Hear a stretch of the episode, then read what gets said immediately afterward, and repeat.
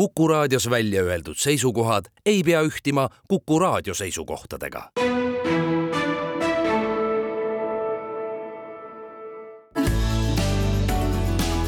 keskpäevatund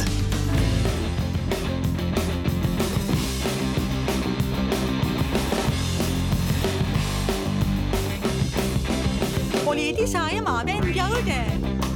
Läks elu edasi meie maa. Siis tulin mina, kibe tõde. nägin ilmavalgust talve ajal, kui olin väga väike plika. vend mängis õega, neil oli hea. ja mulle öeldi, sa oled ikka, sa käidud ikka oma peal.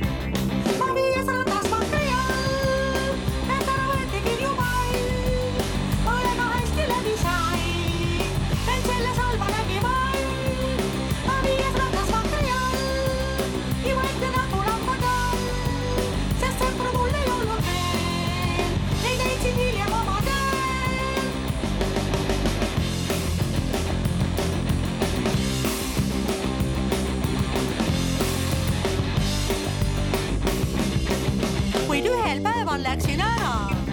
nii pikavõitu tundus tee, sest meelest unus koduvärav ja leidmata mul jäigi see. ma olin Vääna teivas jaamas, seal sõjamehed laulu lõid. üks onu sõber paistis taamal, kes eksin lapse koju tõi.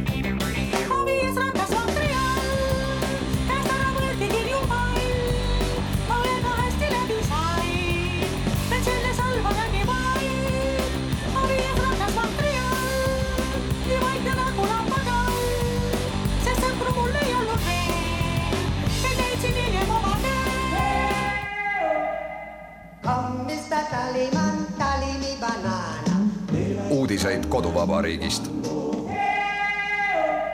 tere, siin on Keskpäevatund ja Tallinna Kuku raadio otsestuudios on Ainar Ruussaar, Marek Strandberg ja Priit Hõbemägi ja meile laulis Maie Parrik. no selles laulus on sõnad, nagu te ise kuulsite. ma viies ratas vankri all, mult ära võeti kirju pall ja no mis see kirju pall siis ikka olla võib, kui see, et nädala alguses üllat-, üllatas paljusid äh, inimesi see, et Riigikogu Keskerakonna liige Jüri Ratas ajas kokku pressikonverentsi ja rääkis hulgale ajakirjanikele sellest, mis on kibe tõde, et ta lahkub Keskerakonnast ja liitub. Ja see oli üllatus, mida isegi paljud poliitikaga hästi kursis inimesed, kellega mina enne seda rääkisin, et äh, küsisin, keda, kuhu ennustate, kuhu Jüri Ratas siis läheb? noh, üldine vastus oli see, et no ikka sotsidesse, kuhu tal siis ikka mujale minna on. Ja ennäe, aga siis tulin mina, kibe tõde, nagu laulis Maie Park ja ütles. Ja Jüri Ratas ütles, et tema liitub Isamaaga, mis tekitas lõbusat elevust saalis. kuigi ta ju ütles, et tal on ammu juba see tunne, et, et see Isamaa on õige asi. kui vaadata asja laiemalt, siis iseenesest ei ole ju küsimus mitte, mitte Jüri Ratases niivõrd, kuivõrd sellise ähm, kanalauta sattunud äh, rebasena käituva ähm, Urmas Reinsaluga, kes lihtsalt nagu murrab järjest ja järjest äh, isikuid, kelle liitmine Keskerakonna, kesk, no siis vabandust, Isamaaga tundub olevat hästi ahvatlev ja pigem on see just nimelt sellise Reinsalu selline pöörase võit, et ega ju mingit uuringut ei ole selle kohta, et sellised tõsised isamaalased võivad mõtelda, pagan, üks kommunistide pesas kasvanud tüüp nüüd siin ja, ja iseenesest eks me lähiajal ju näe, mis äh, Isamaa toetus teeb, ma ennustan, et see võib mõnevõrra langema hakata, sellepärast et no ega maailmavaate reklaamimine sellisel moel, et no mul kogu aeg on noh, vot rusikas taskus olnud selle Keskerakonna suhtes, aga, aga ma olen mõelnud kogu aeg selle Isamaa ja rahvusliku värgi peale. see tundub isegi sellises kõigega harjunud Eesti poliitilises teatris üsna halva mänguna. Marek on nüüd kas äh, liigne optimist või mõõdukas pessimist. Jüri, samal ajal. Jüri Ratas oli kakskümmend kolm ja pool aastat äh, Keskerakonna liige, mitmekordne peaminister, juhtinud Tallinna linna. kindlasti on Jüri Ratasel väga kindel valijaskond ma arvan, et see valijaskond on suurenenud võib-olla isegi nende arvelt, kes on tänases Keskerakonnas pettunud äh, võimalik, et äh, tema valijaskond on ka suurenenud nende arvelt, kes näevad Isamaa erakonda üha tugevnemas, Isamaa populaarsus on viimaste kuude reitingute järgi Eesti kõige suurim. kindlasti ta ei jää selliseks, aga, aga nii on, aga aga Jüri Ratas on tegelikult äh, minu meelest natuke Kaja Kallase moodi. ta ei oska või ei suuda oma emotsioone varjata, kui ma, ma teadlikult enne saadet vaatasin mõlema inimese esinemisi äh, televisioonis kaamerate ees, siis äh, kui neile midagi ei meeldi, siis nad seda ka näitavad. Nad näitavad välja või ütlevad välja, noh, kasutades sõna näiteks, võttes mõtlemisaega, vaadake seda nad, nad õppisid Lennart Merilt loomulikult. ja, ja, ja, ja ka nende noh, nii-öelda miimika väljendab seda, kas, kas küsimus meeldis või ei meeldinud või kas mingi argument meeldis või ei meeldinud aga, aga see selleks, mina ennustan küll, et Jüri Ratase enda häältesaagiga ja Isamaaga ei juhtu selle liitumise puhul mitte midagi. ehkki tõepoolest äh, leping Ühtse Venemaaga, mille taga Jüri Ratas oli, äh, on siiamaani kirjutatud Eesti ajalukku. kiired ja üheselt selged reaktsioonid Keskerakonna, Keskerakonna poolt kahekümne neljandal veebruaril kaks tuhat kakskümmend kaks on selgelt ajalukku kirjutatud, neid ei olnud, neid kiireid ja üheseid reaktsioone ei olnud. noh, ja paras segadus ikkagi ka sellega, et Keskerakonna eestikeelsete ja toetajate arv on ikkagi vähenenud alla viie protsendi, mis, mis on tegelikult ühe Eesti vanima erakonna puhul noh, kui mitte mõtlema panev, siis vähemalt suunda näitav arv. No igal juhul ma saan aru, et meil on nüüd võimalus sõlmida kihlvedusid, seda saavad ka teha, seda saavad ka oota, mille peale kihlvedusid? et kas Isamaa toetus tõuseb või langeb, mis üldse saama hakkab, selles mõttes erakondade toetus ei saa kunagi lõpmatult tõusta, kui tegemist ei ole Putini äh, parteiga no. Putini partei toetus on tuhat protsenti, seda me teame. aga täpselt seesama fenomen, kuidas mõjutab, noh, see ongi nagu ju mõnes mõttes sellise mängupiiride küsimus, et noh, kui kaugele saab veel minna kui, kui palju saab veel vahetada tõekspidamisi ilma, et publik äh, nii-öelda nurisema hakkaks, tõekspidamisi siis äh, häälte vastu? no ja et äh, on ju selge see, et inimesele isegi siis, kui ta tegeleb aktiivselt poliitikaga, ei saa kuidagi keelata seda, et ta sisemiselt kasvab, areneb ja jõuab mõistlikumatele seisukohtadele, kui ta kunagi on olnud, et see tähendaks ju seda, et see nagu me keelaksime nii-öelda inimesel, inimesel saama paremaks Vahe..., suuremaks ja nii edasi. ja vastupidi, see ongi inimese vabadus, nii on nagu ka see vabadus ju, ega me ei, me ei tule ju ütlema, et Jüri sellist asja küll ei tohiks teha. vastupidi, et loomulikult äh, kõik valikud on vabad, see on õnnelik ühiskond, kus me seda teha saame, lihtsalt erinevatel valikutel samuti on tagajärjed. teatud vast... selgus on siiski majas, sõbrad, selles mõttes, et äh, mitte ükski neist Keskerakonnast lahkunud tuntud poliitikutest, olgu nad siis Riigikogu liikmed või kohaliku omavalitsuse tasemel tuntud inimesed, ei ole liitunud EKRE-ga, liitujaid on saanud juurde sotsid ja Isamaa, eks ole ehk siis noh, siin on selgelt nagu mingisugune poliitiline lõhe ja, ja vahe, aga tegelikult noh, asi on ikkagi selles mõttes natuke nukraks tegev, et viimane mm, turu-uuringute uuring näitas, et Riigikogu usaldas kolmkümmend viis protsenti ja valitsust kolmkümmend seitse protsenti küsitletutest. Mm, aasta varem oli see protsent Riigikogu usaldus siis nelikümmend üheksa ja valitsus viiskümmend kaks, nii et tegelikult see Ehm, see usaldusväärse uuringufirma Kõver läheb ikka väga kõvasti alla. ja mm, noh, see on ka mingi näite, aasta varem olid need numbrid vastavalt hoopis kuuskümmend üheksa, seitsekümmend protsenti, aga mis on veel tähelepanuväärne, on see, et presidendi usaldusväärsus on väga kõrge, kaheksakümmend kaks protsenti. no presidendil on ka lihtne olla, ta saab teha selliseid mõnusaid otsuseid ja Äh, nögada ühe või otsuseid teise. saab vähe teha, aga, aga, aga avaldusi saab teha avaldusi, palju. aga noh, ütleme selles mõttes nagu otsuseid, millel ei ole nii-öelda legitiimset tagajärge. no mis, mida sa nüüd tahad, Eesti seadusandlus annab talle sellised raamid ette, mis sa, mis sa nüüd tahad, mida ta tegema peab? ta peabki olema väga populaarne, selles mõttes tal on olemas kõik eeldused olla täiesti populaarne tegelane. absoluutselt, võib-olla ja selle populaarsuse üheks põhjuseks ma arvan, on kindlasti see, et ta ei ole siiamaani, tänase päevani ta ei ole näidanud mingit märki sellest, et ta sooviks kandideerida teiseks äh, ametiajaks, ta on seda ka väljendanud vestlustes ja kui vaadata nüüd seda, kuidas siis Alar Karis presidendina on ju äh, mitte presidendina, vaid siis sellise nagu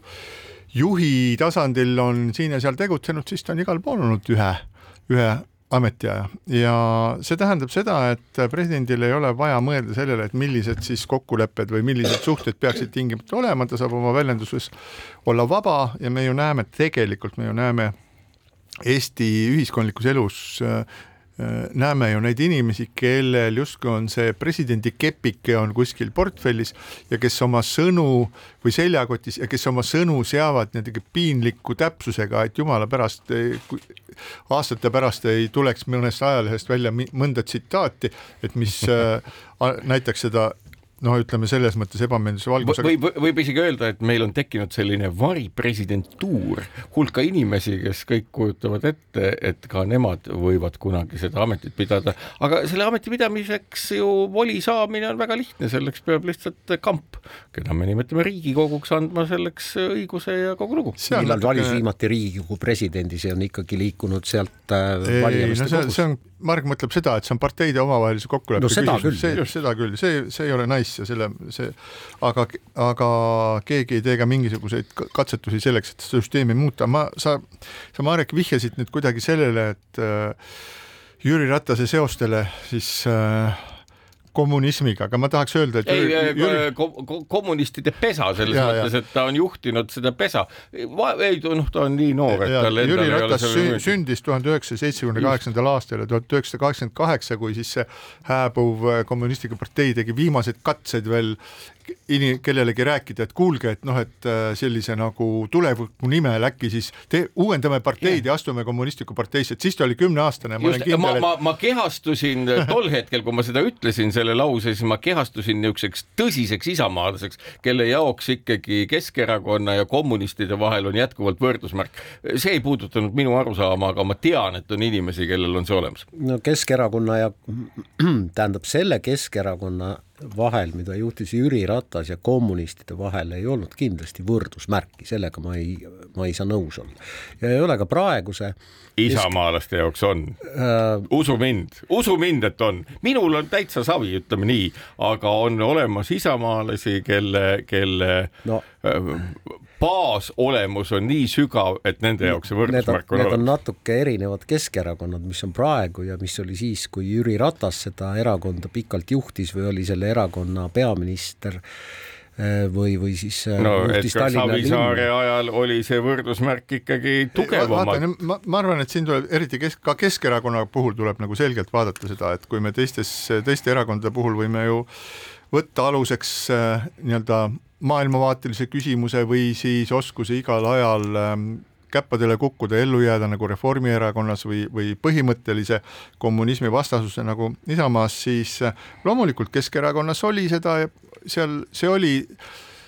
äh, see oli koht, kuhu kogunesid inimesed, kes otsisid endale uut võimalust, paljud neist olid siis äh, ka endised kommunistliku partei liikmed, aga nüüd see, see Keskerakond, millest me täna juba räägime Kadri Simson, Mihhail Kõlvart ja Jüri Ratas on sündinud aastatel tuhat üheksasada seitsekümmend seitse või tuhat üheksasada seitsekümmend kaheksa, nagu öeldud, kompartei viimaste selliste hingetõmmete ajal nad olid kümneaastased ja ükskõik kui siis, kui äh, võimekateks tulevasteks poliitikuteks neid ka ei peetud, on täiesti kindel, et mingisugust ettepanekut neile liituda komparteiga ei tehtud. minu arvates te kasutate sõna kommunismimeelsus või komparteimeelsus selle erakonna puhul ja üldse tänases Eesti poliitikas valesti, ma arvan, et Eestis ei ole mitte mingisugust märkimisväärset kommunistlikku partei või mingit kommunistlikku ideoloogia eelistamist, jutt käib ikkagi puhtalt sellest, kas toetatakse tänast Venemaad, mis ei ole kommunistlik, aga mis on agressiivne, autorit-, totalitaarne riik, aga millel ei ole selles mõttes klassikalise kommunismi tunnuseid, ehk siis ärme räägi sellest kommunismist tänases maailmas, räägime hoopis muudest äh, asjadest. Kommunistid äh, ei taha ju mitte midagi muud, äh, kui lihtsalt saavutada võimu millegi üle, on see maa, ressursid, inimesed, territoorium, see on nende eesmärk. Ja siis, et siis kasutada seda kõike oma huvides, mis nende huvid on, on autoritaarne kord ja ka Venemaa puhul ei saa rääkida kommunismist, seal on riigikapitalism, pole seal mingisugust pole seal mingit kommunismi, aga see ei ole kuidagi, kuidagiviisi parem, et see autoritaarsus on, on ma, Ma- sama halb, ma ei, raske ma, öelda. ma ei tahtnud seda öelda, ma tahtsin seda öelda, et tegelikult äh, noh,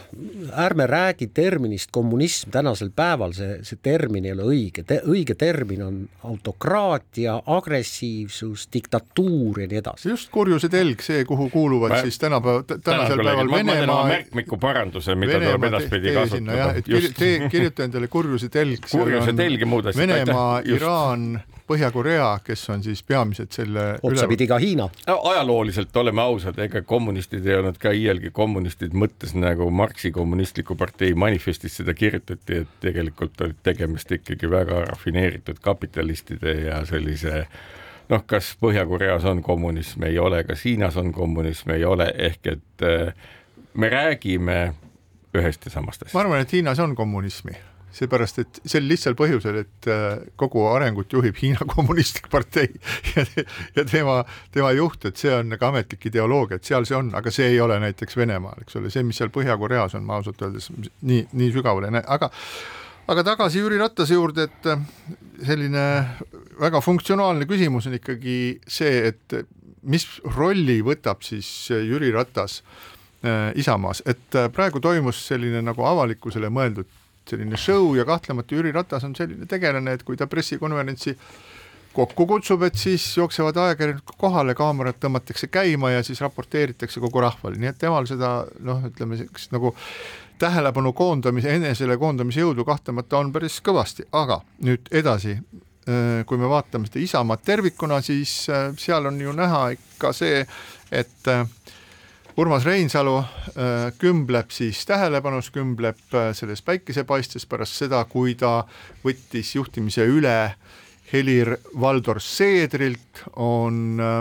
võib-olla osalt selle ülevõtmise tõttu, võib-olla osalt heade asjaolude kokkulangemise, osalt tubli töö tõttu, siis tõepoolest raketina lennanud populaarsus taevasse on kõige populaarsem erakond praegu ka kuhu. Ja kui ma vaatan seda malelauda, siis ma ikkagi ei saa aru, et kus kohas on see, see auk, kuhu tuleb Jüri Ratase nimeline pulk pista, et lihtne on ju arutada selle üle, et jaa, et äh, kas ta soovib saada ähm, Euroopa, kandideerida Euroopa Parlamendi vali, valimistel, mis on siis ähm, tänavu aasta äh, keskel, ja minna siis pildilt ära sinna-tänna, et tal on selles, sellised huvid ja nii edasi, samas ei saa ju Jüri Ratase sellist oskusi poliitikas liikuda, madalal häälel äh, juttu ajada, inimestega kontakti saada, tal on äh, meeletu töövõime, et äh, seda ei saa kuidagi nagu ju ka prügikasti visata ka, ka Eesti seisukohalt, sellepärast et ega meil neid võimekaid poliitikuid nii ülemäära ka siin ei ole.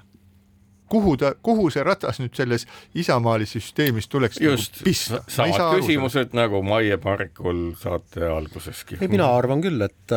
et kui Isamaa vähegi valib äh, Jüri Ratase Euroopa Parlamendi kandidaatide nimistus noh, esimeseks. ma arvan, et ta ei lepi, ta ei lepi kohaga number kolm kuigi Selle- koht ei oma seal mitte mingit tähtsust äh,. jah äh,, muidugi ei oma, omab, no tegelikult ikkagi natuke omab, et kas sa oled äh, nimekirjas number üks või oled number kolmteist. ja ma lihtsalt see... arvan seda, mida ma ka juba ütlesin, et minu meelest sellise esimese koha valikuga tekib Isamaas siiski liialt palju seda niisugust sisemist nagistamist, No, nii et äh, Ratase ambitsioon, isegi kui see selline on, nagu siin välja käidud, jällegi noh, ükski asi ei toimi vastasmõjuta ja Ratase paigutamine selles nimekirjas esimesse kohta tekitab Jaa, aga Isamaas vaata- tõsise käärimise. vaata pragmaatiliselt, et äh, ma kordan seda, mida ma saate algul ütlesin, et mina arvan, et Jüri Ratasel seda ei ole küll keegi kunagi mõõtnud ja õnneks Eesti-suguses riigis ei saagi mõõta, aga ma arvan, et tal on üsna usklik valijaskond, kes valivad Jüri Ratast eelkõige, Jüri Ratast, kui tema mundril äh, on ka teise erakonna silt. ma arvan, et ta saab natuke toetajaid juurde ja, ja noh, tema tema poolt antud häälte arv ei olnud küll mäekõrgune, aga oli ikkagi märkimisväärne viimastel valimistel, kui mälu mind ei peta, siis sinna kuhugi seitsme ja kaheksa tuhande vahel. Ja no äh, Riho Terras sai Europarlamendi valimistel vist kakskümmend tuhat või midagi taolist, mis on muidugi massiivne number, aga aga sa Indrek Tarand sai kunagi kümme tuhat. või sada, sada tuhat. või sada tuhat, jah, aga noh, aga ja Indrek Tarandil on täna kuuekümnes sünnipäev, nii et palju õnne, palju õnne, Indrek, Indrek on, oli ka aastaid meie hea kaassaatejuht siin Kuku raadios, nii et ilusat sünnipäeva sulle. aga Jüri Ratasest veel sa, sa Ainar ütlesid ühe niisuguse huvitava väljendi, ütlesid välja, et tal on väga usklik äh, siis valijaskond. ma usun, et on jah. ja, ja just nimelt see sõna usklik tähendab, eks sa tahtsid, sa tahtsid öelda, et need val, tema valijad on talle truud, aga kui me räägime siis Jüri Ratase seostest siis kirikuga, siis ta on üks nendest vähestest eh, Eesti eh, ühiskondliku elu tegelastest, poliitikutest, kes ei varja oma suhteid religiooniga, nüüd kui peeti seda mina ei pidanud üldse silmas kirikut. ju, jaa, aga see tuli nii välja ja aga see, mis ma räägin, see on ka jumala tõsi, et tema eh, pressikonverentsi ajal tal lauanurgal oli siis eh, piibel, ta osaleb siis eh, teenistustel ja on täiesti kindel, et temal just inimesena on ka siis usklike hulgas neid, kes teda palju, neid, kes teda toetavad ja kes, kes teda valivad ja, ja selles mõttes on Ratas sümpaatne sest ähm, tegelikult võib ju Eesti nii-öelda tähel-, Eesti ühiskonna tegelaste hulgas on mitmeid inimesi, kes, kes on äh, religioossed, aga kes ei julge seda avalikult väljendada, sest nad mõtlevad, vaat, vaat, vaat, vaat, vaat, mis mulle nüüd äh, selle kohta võidakse öelda, äkki see ei tule mulle kasuks. aga Ratas on selles mõttes nagu aus inimene ja minu jaoks on see nii-öelda positiivne märk. no Isamaas on äh, vähemalt üks äh, poliitik veel, kes absoluutselt mitte ei varja, vaid isegi räägib sellest, kui suur on tema seos kirikuga, Riina Solm. jah, kahtlemata, et äh, mis me siis, ega me ei suutnud ikka välja mõelda seda, seda olukorda, et kui... seda põnevam ju on, kui seda, me ei oska öelda ega ennustada. seal on alati, alati on üks võimalus see, et see auk, äh, kuhu siis ähm, ratast tahetakse torgata, on kandiline, aga ratas ise on ümmargune pulk või on auk, ümmargune ja ratas on kandiline pulk, nii et ta lihtsalt kuidagi sinna ei lähe sinna sisse, tuleb sinna jõuga toppida, aga mida ma, mida ma ei usu, vabandust, Priit, mida ma ei usu, on see, et Jüri Ratas on nõus ja et tema liitumine Isamaaga tähendas seda, et ta on Isamaa pagasnikus tagavararatas, seda ma ei usu. Ei, seda ma, seda ma ka ei usu, et, et äh, selge see, et ta ei ole valimistel äh,, Europarlamendi valimistel esinumber. äh,, väga kummaline oleks ka see, kui nüüd äh, tema teeks sellise erakordse parteisisese tõusu, samal ajal kui äh, just nimelt Isamaas on väga palju inimesi, kes on seal olnud äh, aastakümneid ja aastakümneid ja kes on sellised nagu olulised tegelased ja nüüd korraga tuleb, eks ole, mingisugune Ratas ja temast saab, ma ei tea, abiesimees või kaasesimees või, või mis iganes või antakse talle mingi kõrge positsioon. et tegelikult see on päris selline keeruline Äh, keeruline küsimus, ma, ma ise küll äh, pigem arvan, et äh, Urmas Reinsalu on selle küsimuse enda jaoks lahendanud, sellepärast et minna sellist suurt kala püüdma sellisest natukene sogasest veest, nagu Jüri Ratas on, ilma mingisuguse plaanita, noh, ma ka ei usuks seda päriselt. Nojah, aga kui vaadata, kui vaadata suhtumist, Eesti rahva suhtumist valitsusse erinevate uuringute kohaselt, siis on ju täiesti võimalik, et noh, jaanipäeva paiku või natuke hiljem ikkagi valitsusliitu koosseis muutub ja uus partner võib olla reaalselt ikkagi Isamaa ja see tähendab Jüri Ratasele ilmselt portfelli. jaa, see on kahtlemata täiesti võimalik, aga eks elame-näeme ja siinkohal väike paus. keskpäevatund ja Keskpäevatund jätkab Ainar Ruussaar, Marek Strandberg ja Priit Hõbemägi Kuku raadio otsestuudios sellel natukene ähmasel ja ilma päikeseta laupäeval, aga räägime nüüd sellest äh, suurest üritusest, mis siin ketras ja ketras Eestis ja meie kõigi tähelepanu paelus õpetajate streigist, õpetajate streik on nüüd otsa saanud, nüüd käivad vaidlused selle üle, et kas äh, õpetajad võitsid või võitis valitsus või võitis äh, haridusminister Kristiina Kallas või võitis hoopistükkis sotside juht Lauri Läänemets ja nii nagu ütles reformierakondlane Jürgen Ligi äh, telekaamera ees, kaotasid kõik, ka selline on üks äh, üks võimalus ja võib-olla siis äh, arutame seda asja natukene ja pärast ma, pärast ma tahaks nagu ka väljendada oma seisukohti sellega, et mida see streik siis nii-öelda tavalisele inimesele, lapsevanematele kaasa tõi ja kas see oli tore või mitte nii väga tore? jah, mõlemad oleme lapsevanemad, vähemalt sinul käib ka keegi veel koolis, eks ole? no kaks tükki. no vot. no isegi ka. mul minul ka käib laps koolis, aga, aga tegelikult noh, muidugi see streik äh, saavutas selles mõttes oma eesmärgi, et öelge mulle üks eluala valdkond, millel on lubatud, mille osanikel on lubatud streikida tähtajatult, siis äh, saaks selle streigi vältel enne seda streiki ja ka pärast seda streiki, nagu kuulaja praegu kuuleb, äh, nii palju tähelepanu, et õpetajad on kindlasti üks neid, võib-olla jah, tervishoiutöötajad, noh julgeolekuteenistuse töötajatel ei ole streikimine lihtne või täitsa keelatud. nii et tegelikult selles mõttes ta saavutas oma eesmärgi, et õpetajate streigist räägiti väga palju. mida ma nüüd natukene kardan, on see, et, et lisaks sellele palgatõusule ja palgatõusuks ka tulevatel ja järgnevatel aastatel vajaminevale rahale hakkab ikkagi jälle unustuse hõlma vajuma see, mis on selle streigi ajal ja enne seda räägitud haridusreformi sisu ja mõtted, ehk siis eks ole, koolivõrk, õpetajate tase, mina väga loodan muide, mina väga loodan, et äh, kui minu lapselapsed hakkavad koolis õppima, siis ikkagi tõepoolest kõigil õpetajatel on magistrikraad, omandatud õpetajakutse ja nad annavad ka tõepoolest seda õppeainet, milles nad on äh, saavutanud selle magistrikraadi, ehk siis et matemaatikat ei anna eesti keele õpetaja ja matemaatikaõpetaja ei anna eesti keelt. mis praegu, ma natuke utreerin, aga mis praegu paljudes koolides niimoodi on. rääkimata sellest, et kõigil õpetajatel ei ole magistrikraadi ja ei ole ka õpetaja kutset vaatame teistpidi, ehm, tegelikkuses ega meil õpetajatega ju Eestis probleeme ei ole, et kui meil on selline kohustuslik mõõtmismeetod, milleks on PISA testimine siis selle järgi on meie õpetajad, kuna õpilased on maailma parimad, siis ka järelikult õpetajad. ehk et asjaolu, et me hakkame nüüd rääkima või ütleme, et vaadake, et õpetajatega on sellised probleemid veel ja sellised probleemid veel ja sellised probleemid veel, on arusaadavalt tähelepanu hajutamisega seotud ja põhiküsimus on ikkagi selles, et mida see streik õpetas õpetas õpetajatele, et selline ja ühiskonnale samamoodi, et selline streikimine on võimalik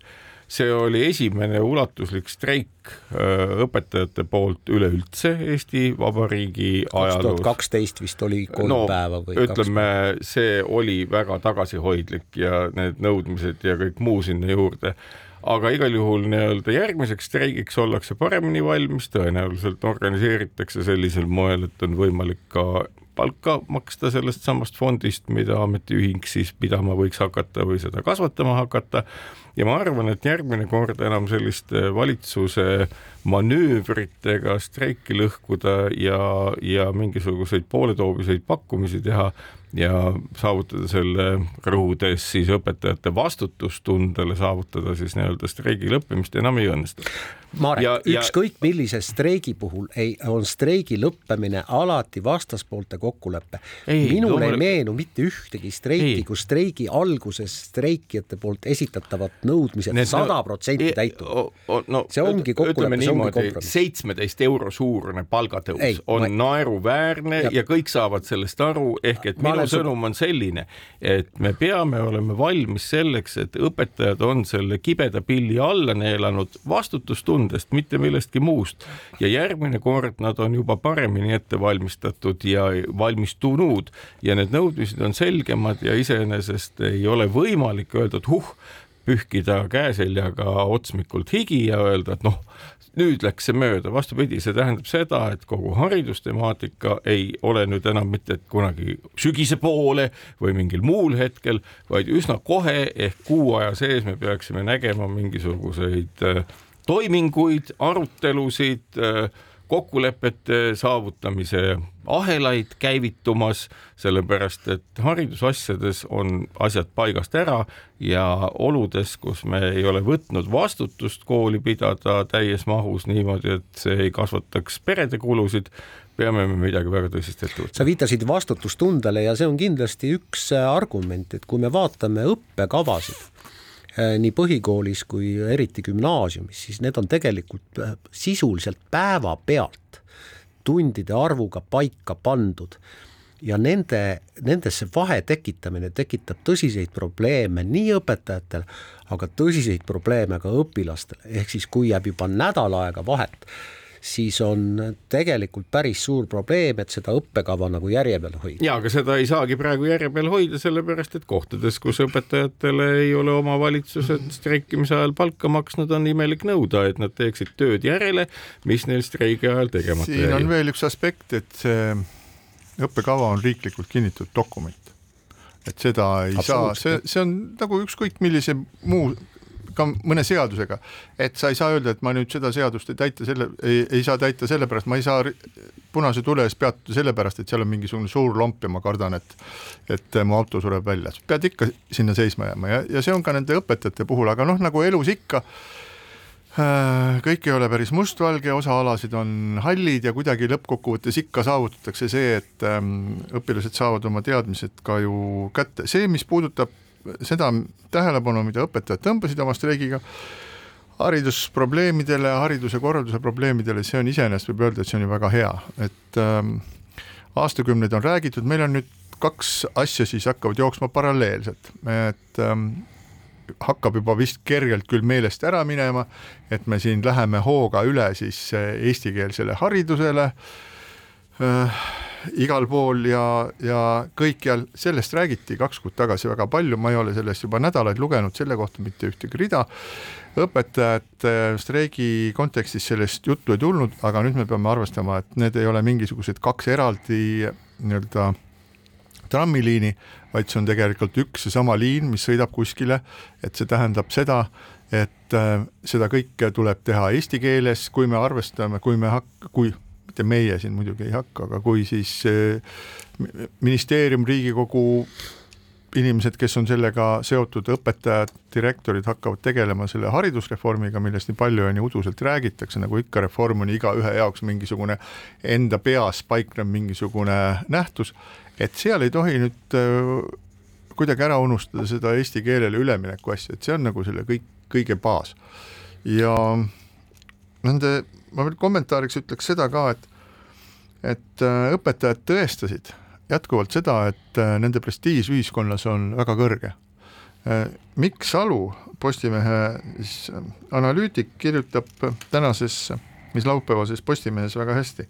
üks tuntud poliitiline suhtekorraldaja selgitas kunagi, et poliitilises debatis ei tasu jääda teisele poole kui valge kitli kandja, mille all on siis mõeldud ähm, arste, õpetajaid ja kõiki selliseid. isegi kui ratsionaalsed argumendid on sinu poolel, siis ühiskondlik meelsus, lugupidamine ja toetus on alati valge kitli poolel. et see vist sai valitsusele ka selgeks, et see erinevate ministrite, poliitikute, peaministri plõksimine, hädaldamine, kust ma võtan selle viiskümmend miljonit ja nii edasi, nii edasi, kuigi tema isiklikust rahakotist seda tõesti keegi ei ole tahtnud, ei maksa siis valitsust ja iseennast segamini ajada. et äh, need näitasid seda, et kus pool siis see äh, ühiskonna lugupidamine on, aga teisest küljest ma ütlen, et lapsevanemana oli see väga keeruline ja lõppkokkuvõttes noh mitte nüüd just taluvuse piirile, aga üsna lähedale taluvuse piirile see viis, kui sa ei tea, kui sul on näiteks mitu last, kes käivad, ma ei tea, erinevates klassides, ühel on, ühel on kool, teisel ei ole, ühel on ühel päeval kell kolm tuleb korraks linnas ära käia, teisel tuleb kell viis käia, kell kaks toitmine, see koolipoolne äh, informatsioon kindlasti ei olnud kuskil laitmatu, kuigi tõenäoliselt püüti, aga üldiselt see jama kestis nii, et hakkas juba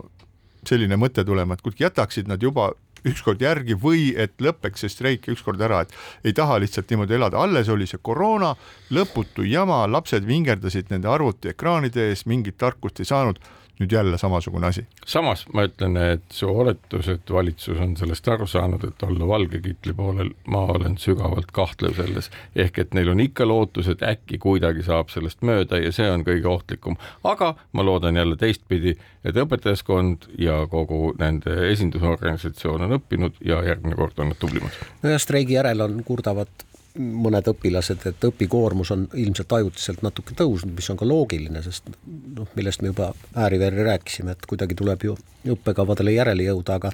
mida ma tahtsin öelda, on see eestikeelsele haridusele üleminek, see on üks väga suur ja oluline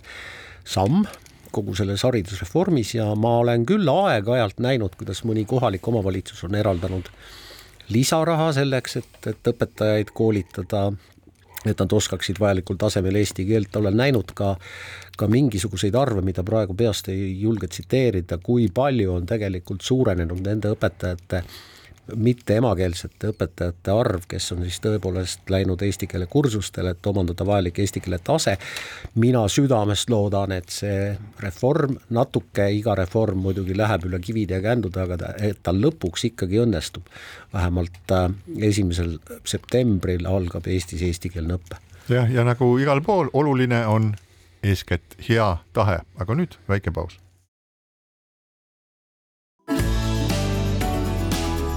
keskpäevatund.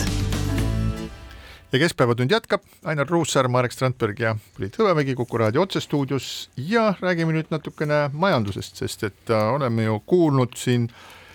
mitmesuguseid ütlusi, näiteks äh, selle kohta, et äh, teist, kolmandat, neljandat, viiendat, kuuendat, nüüd seitsmendat kvartalit järjest Eesti majandus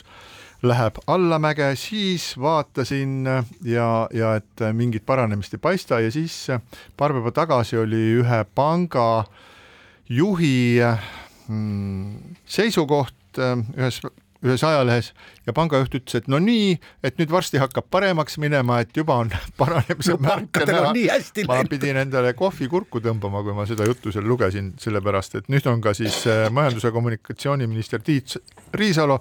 astunud kaamerate ette ja öelnud, et ei, tegelikult on kõik pekkis. Äh, kusjuures eelnevalt valmistas ministeerium nagu ka Riisalu ette seda, kuidas ta tuleb kohe ja käib välja meeletu majanduse elavdamise kava ja mille kõik noh, loomulikult ega mis majanduse elavdamist saab keegi ette kujutada, kui ainus asi, mida valitsus räägib, on, et meil on raha puudu ja on vaja makse tõsta. no majandus on ikkagi selline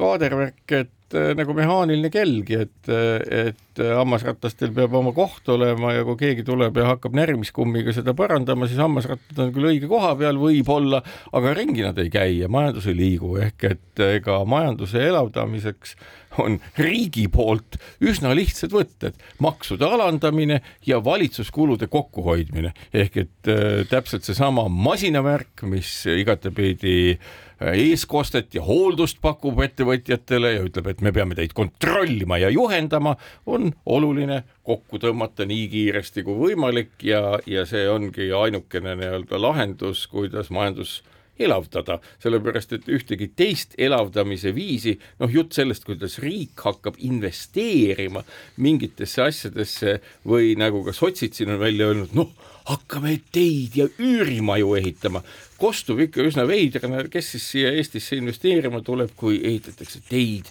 ja üürimaju. et ikka tullakse selle peale, kus kasum kiiremini kosub ja, ja kui sellist võimalust pakutakse, on hea, nüüd muidugi kui kõik on välja pasundanud, sealhulgas ka meie enda peaminister, et kohe-kohe hakkab ka Eesti pinnal võib-olla, kui ühe NATO riigi pinnal sõda käima, on lootust selleks aina vähem, ehk et kui küsida, kes tegi seda, et majandust ei saa elavdada loomulikult vastus on lihtne, ise. Marek, Marek, vaata noh, ja muidugi äh,, muidugi on väga palju vaja teha siseriiklikult, erakordselt palju, aga noh, paraku majandus, millega Eesti on seotud, on globaalne. ja tegelikult üks probleeme on meie ekspordivõime kahanemine ja seda sellepärast, et nii Rootsi, Soome, Saksamaa nende riikide majandustel ei lähe ka kuigi hästi ja nad ei, ei impordi enam Eestis toodetud kaupu kaupu samavõõrselt. ehk siis ma tahan öelda, et ainult see lohutus, et vabalt peetavate kanade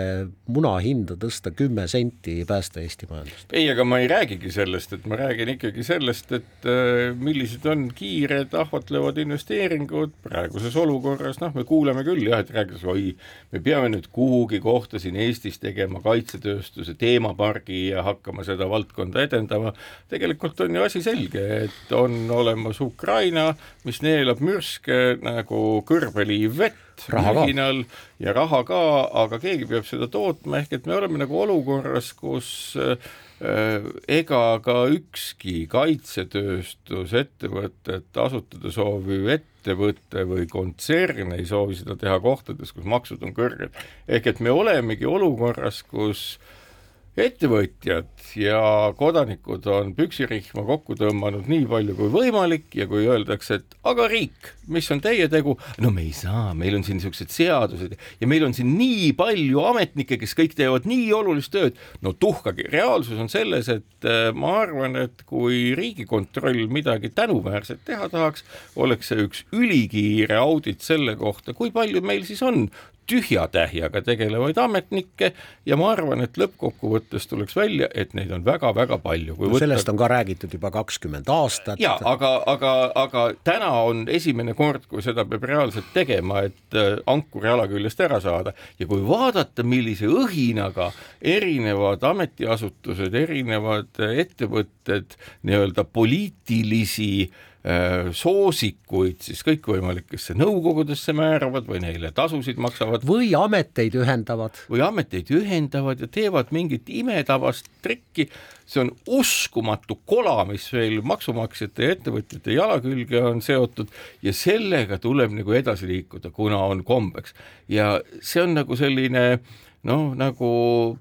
pangoliin, ta on ennast või siil, et ta on ennast nagu kokku kerre tõmmanud soomusloom, et siin mitte kuidagi ei mahu näpp vahele ja, ja tegelikult tuleks näpp sinna vahele ajada, see nii-öelda paljas kõht välja tuua ja vaadata, mida see ametnikkond endast tegelikult kujutab. me võiksime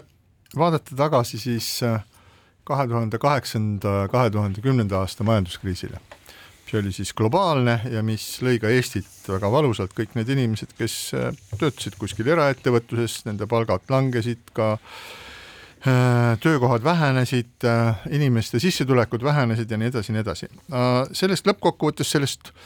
tuldi välja aga milles on siis äh, õppetund, et me ju tihtipeale räägime sellest, kuidas äh, Eestil ühiskonnana ei ole enam neid äh, suuri eesmärke, see oli peaminister Taavi Rõivas, kes siniseid sokke kandes ütles, et nüüd on peenhäälestamise aeg, kõik suured asjad on tehtud. ja need suured asjad olid siis liitumine Euroopa Liiduga, liitumine NATO-ga ja euro, kolm suurt asja, mille nimel pingutati üldiselt ühiselt, need olid kõigile arusaadavad. pärast seda, kui äh, Taavi Rõivas teatas, et on peenhäälestamise aeg, nagu pilt, suur pilt kadus ära, jäid ainult sellised väiksed mingisugused ähm, territoriaalsed huvid. nüüd, kui tuli, sündis siis see äh, Lehman Brotherste juurest käima hakanud majanduskriis, mis põhimõtteliselt seisnes selles, et äh, võrksärkidega neegritele kuskil Washingtoni äärelinnas paku-. Äh, mustanahalistele neegritele võrksärkidega Washingtoni äärelinnas, pakud, pakkusid pangad laene, teades, et nad iial ei jõua neid tagasi maksta. Ja seejärel nad pakkisid need laenud punti ja müüsid maha Jaapani investoritele. Ja siis ühel hetkel, kui hakkas selguma, et need äh, võrksärkides inimesed, äh, keda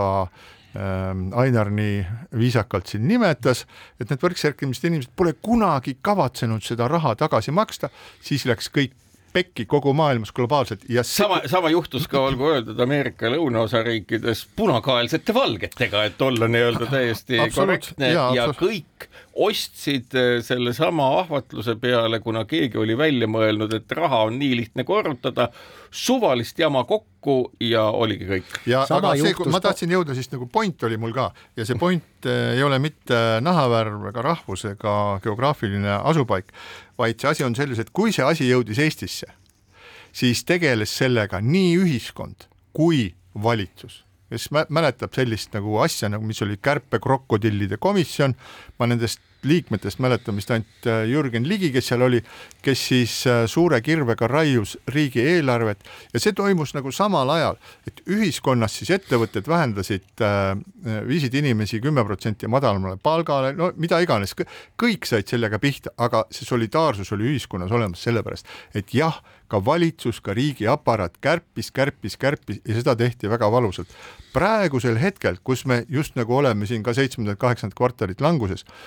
kus äh, veel häda käes ei ole, aga kus juba ettevõtjad on üsna murelikud, me näeme, et valitsuse tasandil ei sünni üldse mitte Sellepärast, midagi, absoluutselt mitte midagi. õigustatud ootus, kuna nende töölepingud ja kogu see bürokraatlik struktuur on tegelikult inertsem, kui me ehk ettegi kujutada oskame, siis selle kallale ei minda, sellel põhineb kahjuks ka väga palju sellist nii-öelda poliitilist heaolu, mida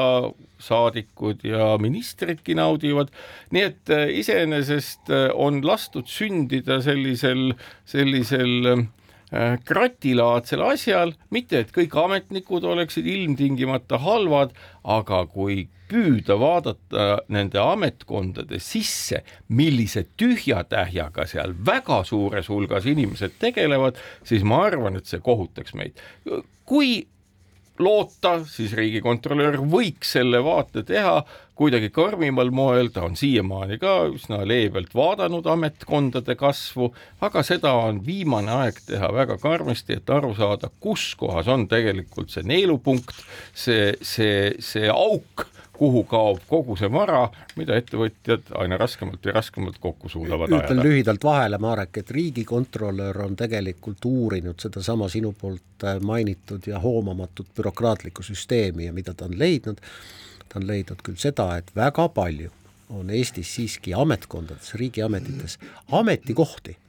kus eelarves on palganumber olemas aga mille tooli peal inimest ei istu. see on üks asi. see on esimene asi, millest peaks alustama. Äh, kui aasta asi... otsa või kaks aastat ei ole tooli peal istunud inimest, aga tema palk on eelarves, siis kaotame selle tooli ära. üks asi on see, aga teine küsimus on lihtne, et kui palju on vaja seda eestkostet, mille hulk kasvab üle taluvuspiiri paljudele ettevõtjatele ja nad on seda suhteliselt selgelt ka signaliseerinud ja sellisesse kohta jõudsimegi täna välja oma aruteluga, küll siit on küll veel pikalt edasi minna, aga täname teid kuulamast ja kohtume taas nädala pärast. keskpäevatund